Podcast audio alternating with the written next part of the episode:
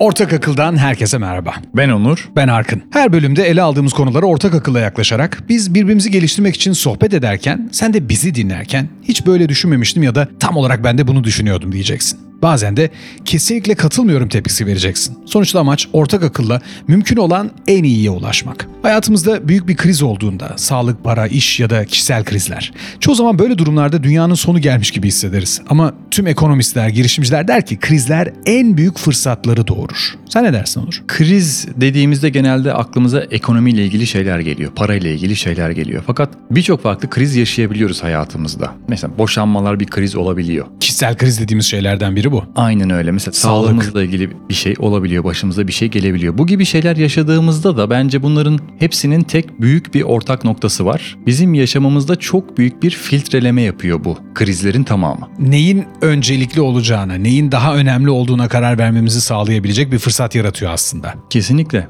Daha önce bizim için çok önemli olmuş bir şey önemini yitirebiliyor bir anda. Çok kafayı taktığımız, çok üzüldüğümüz başka bir şeye ya bir dakika bu gerçekten hiç önemli değilmiş gözüyle bakmaya başlayabiliyoruz. Perspektif kazanmak deniyor buna. Doğru, aynen. Bazen bu derinliği algılayabilmek için hayatımızdaki yaşadığımız duruma baktığımızda bunun bir fırsat olduğunu görebilmek mümkün olmuyor. Çünkü içindeyken özellikle sorunu yaşıyorken, çamurun içindeyken, krizin e, merkezinde duruyorsak eğer bunun bir fırsat olduğunu anlayabilmek için bir yöntem var mı? Bir yol var mı senin kullandığın? Birkaç farklı açıdan bakmak lazım. Dediğin çok doğru. Bu bir fırsat ama ne fırsatı? Neyin fırsatı? Neyin fırsatı? Yani çok doğru bir şey söyledin. İşin içindeyken yani çamurun içindeyken biri gelip bize bir dakika ya bunun iyi tarafından bakmaya başlamaya ne dersin sorusu sorduğunda küfür, Küfür edersin. Evet.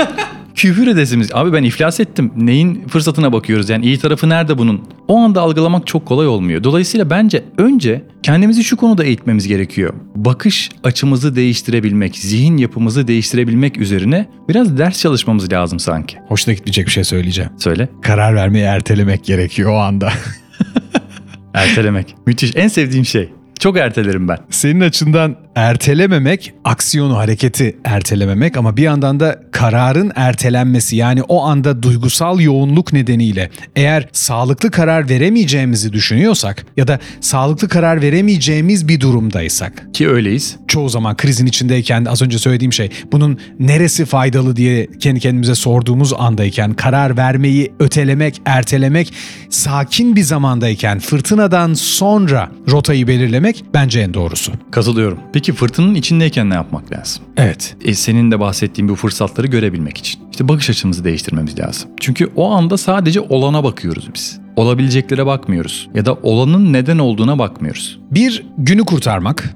Yani gerçekten o anda gereken acil durumda insanların aldığı ilk yardım eğitimleri de o anda o eğitimi aldığın zaman uygulayabilir hale gelmeni de zorunlu kılıyor ya. İlk yardımı yapabilmek için anında krize tepki verebilmek için durum değerlendirmek. Yani reconnaissance denir buna. Recon. Özellikle askeri e, oyunlar oynayan, first person shooter oynayanlar çok iyi bilirler. Recon etraftaki durumu öncelikle değerlendirmek için bir şey veri toplamaktır. Veri toplamaya bakmak gerekiyor. Veri topladıktan sonra ne yapmak istediğimize dair anında verilebilecek en doğru karar zaten Maslow'un ihtiyaçlar hiyerarşisinin temelinden yukarıya doğru gidenler. Fizyolojik ihtiyaçlar. Önce hayatta kalmak gerekiyor. Hava, su, yemek, daha sonra diğerleri. İşte bu tür durumlarda önce aslında kriz yaşanmamışken bunu kafamızda canlandırma şansımız olursa, yani kriz gelmeden önce kriz planı yapılırsa, kötü durum planı yapılırsa, acil durum planı yapılırsa onu uygulamaya aldığımız anda iş kolaylaşıyor. Her zaman ama bunu öngöremiyoruz. Evet. Yani istediğin kadar kriz planı yap, hayat öyle bir şey değil. E, dediğin çok doğru. Bu arada herkesin mutlaka bir kriz planı yapması gerekiyor. Bütün şirketlerin, bütün kendi işini yöneten girişimcilerin he- her birinin bunu yapması gerekiyor. Fakat her zaman öyle gerçekleşmiyor hikaye. Bu durumda da dedin ya senin kullandığın bir taktik, bir metot var mı? Benim son zamanlarda bu da hani işte 40 yaşındayım. 35'imden sonra falan geliştirebildiğim bir şey. O anın içindeyken kendime bir takım şeyler soruyorum. Bundan sonra ne mümkün? Yani şu an bu başımıza geldi. Peki şimdi ne yapıyoruz? Yani bu zihin yapısına çok hızlı geçiş yapabiliyorum. Bu ama bir çalışma sonrasında gerçekleşen durum. Yaşanmışlıkların diyelim. Sadece çalışmayla olmuyor. Yaşanmışlıklar da artık. Çünkü başına ilk defa kötü bir şey geldiğinde verdiğin tepkiyle beşinci kötü şeyde verdiğin tepki farklı oluyor. Artık şunu yapabiliyorsun beşincide. Tamam olmuş olabilir bu. Tamam şimdi ne yapıyoruz? Şimdi ne yapıyoruz sorusu çok güçlü bir soru. Çünkü şimdi bir şey yapman lazım. Başına bir şey geldi artık. Olanı değiştiremezsin. Şimdi bir şey yapman gerekiyor. Hala şikayet ediyorsan, hala bu nasıl benim başıma geldi diye yakınıyorsan zaten bir şey yapamazsın. Bunu asla yapma demek de çok gerçekçi olmayacaktır. Çünkü mutlaka başımıza bir şey geldiği zaman bir söylenme ihtiyacımız oluyor. Neden ben?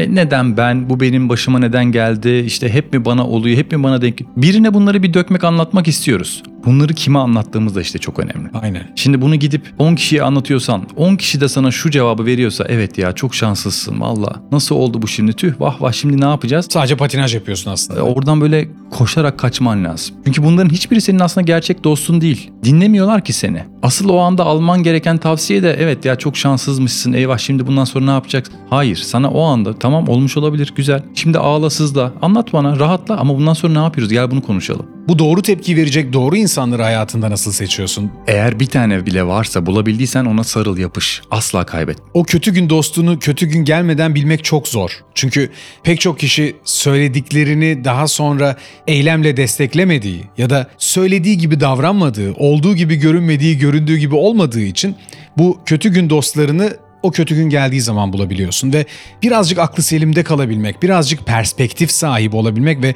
duyguların içinde boğulmamak ilk yapılması gereken şey. İkincisi az önce söylediğin o doğru insanları bulabilmek. Çünkü gerçek dostlarını ayırt edebilmek, senin o gün o anda işine yarayabilecek, senin iyiliğini isteyen, gerçekten senin saf anlamında, saflık düzeyinde iyiliğini isteyen insanları bulabilmek çok büyük bir şans diğer taraftan. Fırsat dedin ya. İşte başımıza gelen bu olaylar bu insanları biriktirmemize de neden oluyor bir taraftan. Demek ki böyle bir fırsat da var. Gerçek dostunu, düşmanını tanıyabiliyorsun. Bu arada tam anlamıyla o insanlara düşman demek de istemiyorum. Çünkü her dostun olmayan senin düşmanındır diye bir kural yok. Aynen. Ama gerçek dostun değil. Dostun değil her şeyden önce. O insan sadece var. Acquaintance, arkadaş, tanıdık. Varlık diyorum ben. Var. Yani sana bir katkısı da yok. Ha sana bir zararı da yok. Ama bir taraftan sana çok katkısı olan seni çok besleyen insanlar da var. Yani dolayısıyla kötü haberleri kimle paylaştığınıza çok dikkat edin diyorum ben. Şimdi bu insanlar yani gerçekten seni içinden geldiği gibi dinleyen, senin iyiliğini isteyen, senin sızlanmanı dinledikten sonra tamam yeterince ağladıysan hadi kalkıp bir şey yapmamız lazım diyen kişiler var. Ya diğerleri kimi ölü taklidi yapacak, yok olacak ortadan. Kimi dinliyor gibi yapacak. Sadece ah vah tüh diyecek. Evet senin başına geliyor ne kadar şanslısın diyecek. Senin söylediklerini sana tekrar edecek sen seninle aynı fikirdeymiş diye düşüneceksin. Kendini kandıracaksın. Kimi sessizce sıvışacak ortadan. Kimisi ise zaten sen bu krizi yaşa diye, sen düş diye seni en yakından izleyenler olacak. Bunları ayırt edebilmek. Özetle her krizde bir fırsat vardır söylemi yine farklı bir yüzüyle karşımızda. Fırsatı ne fırsatı olarak değerlendirmemiz gerektiğini sorduk ya baştan. Hayatınızdaki doğru insanları elemek için. Müthiş bir filtreleme sistemi. İkinci büyük fırsat da şu. Bu benim başıma niye geldi diyoruz ya. Bu soruyu doğru formatta sorduğumuzda Neden ben? Değil. bu benim başıma neden geldi? Neden? Ha nedenin altını çizeyim. Bir dakika ya. Böyle bir şey yaşadım ama beni buraya götüren bir takım olaylar oldu. Benim bir takım kararlarım, seçimlerim oldu. Hmm, güzel. Dolayısıyla bir daha böyle bir şeyin benim başıma gelmemesi için bundan sonra neler yapmam ve neler yapmamam lazım. değiştirebileceklerim, değiştiremeyeceklerim. Yani çevresel koşullar nedeniyle başıma gelen örneğin ekonomik olarak şu an yaşadığımız durum. Ee, Euro'nun, doların, dövizin hayatımızdaki yeri ve birebir parite karşılığı. Böyle bir durum elimizde değil. Ama böyle bir durum içinde ne yapacağımız bizim elimizde. Evet kesinlikle öyle. Yani burada aslında tam olarak şundan bahsetmiyorum. E, Bu olay başına geldi ama senin kontrolün dışında gerçekleşen bir şeyler var. Park edelim bir kenara bunları. Ama bir taraftan bir bakalım. Senin seçimlerin ne kadar etkendi burada? Senin Sen aldığın ne yaptın? karar. Sen ne yaptın? Çünkü mutlaka bir şey oldu ki sen bir şey yaptın ki bu senin başına geldi. Ha işte bence en büyük fırsatlardan bir tanesi de bu. Yani neden düştüğünü anlayabilmek. Neden düştüğünü anlamadan ayağa kalkarsan yüksek olasılıkla tekrar düşeceksin çünkü. Neden düştüğünü anlarsan, analiz edersen, bunları bir tarafta büyük ahaların olarak biriktirirsen bundan sonra düşme ihtimalin daha azalır. Daha önce konuşmuş olmamız lazım. Bir kere yere düştükten sonra ayağa kalkma konusunda acele etme. Hı hı. gerçekten neden düştüğünü, kalktığın zaman ne yapacağını ve yeniden düşmemek için değil, bununla ilgili düştüğün durumdan kalkabilmek için ne yapıyorsun? İki, yeniden düşmeme konusunda nasıl bir eylem planın var? Bu planları yapabilmek için zamanın olmayabilir o anda kriz yaşandığı sırada fırtınanın ortasındayken ama bunu önceden iyi gündeyken planlayabilirsen en azından hayatının geri kalanına çok büyük fayda sağlayabileceğini düşünüyorum. Ben çok not alırım bu konuda mesela. Başıma kötü bir şey geldiğinde bir iflas yaşadığımda ki ben iki kez iflas yaşadım. Neden bu başıma geldi? Hangi yanlış ortaklığı yaptım? Hangi yanlış seçimleri yaptım? Ben bunları hep not alırım. Dolayısıyla ileride vereceğim kararlar, yapacağım seçimler bunlar benim için çok belirleyici oluyor. Dolayısıyla benim burada gördüğüm ikinci büyük fırsat bu. Bunun altını çizmek istiyorum. Mutlaka neden düştüğünüze bir bakın. Bu benim başıma neden geldi sorusunu doğru şekilde sorun. Evet bu soruyu sorun bu arada. Benim sorumluluğum nedir'i de özellikle sormamız gereken sorulardan biri olarak başa yazmak gerektiğini düşünüyorum. Çünkü bu benim başıma neden geldi diye sorduğumuzda genellikle kimi nasıl suçlayabileceğimiz Kurban psikolojisiyle Aynen. sormayacağız bu soruyu işte. Ya bu benim başıma neden geldi? Hayır bir dakika. Bu benim başıma neden geldi? Bu şekilde sormamız lazım. soruyu doğru sormak. Doğru soruyu sormak değil. Bu benim ifade tasarımı içinde çok sık tekrarladığım şeylerden biri. Çünkü doğru soruyu sormak doğru notaya basmak gibi. O şarkıyı çalmak için o notayı basmak zorundasın.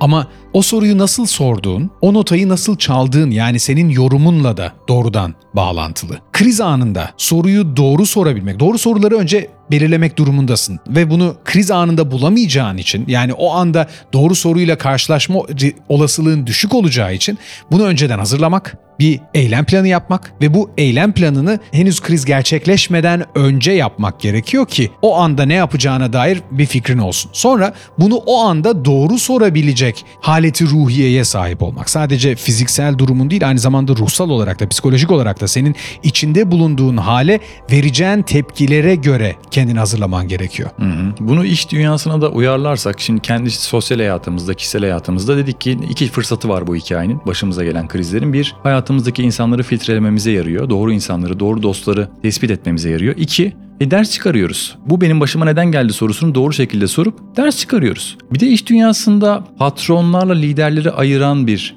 ayırt edici özellik bence. Krizlerle nasıl başa çıkıldı. Mesela bir şirkette bir kendini patron olarak konumlandıran birinin başına bir şey geldiğinde, bir kriz yaşandığında hemen bir cadı avına çıkıyorlar orada. Bu neden oldu? Bunun sorumlusu kim? Bu imzayı kim attı? Şimdi kimi suçlayacağız? Kimi yakacağız? Kurban psikolojisi zaten burada gerçekleşiyor. Fakat liderler ne yapıyor?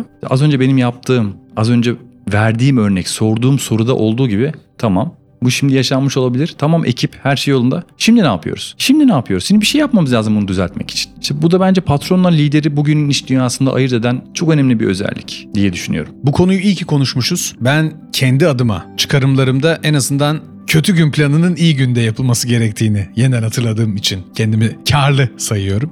Bir sonraki bölümde bence bu krize neden olan şeyin sonrasında kendimizi başarısızlıkla karşı karşıya bulduktan sonra ne yapacağımıza dair konuşalım. Süper. Ben de son olarak kapatmadan şunu söyleyeyim o zaman. Eğer hayatınızda bir tane bile başınıza kötü bir şey geldiğinde sizi dinleyen, sizi anlayan ve tamam problem değil şimdi ne yapıyoruz sorusunu soran biri varsa o kişiye sıkı sıkı sarılın bir daha da asla bırakmayın. Amin.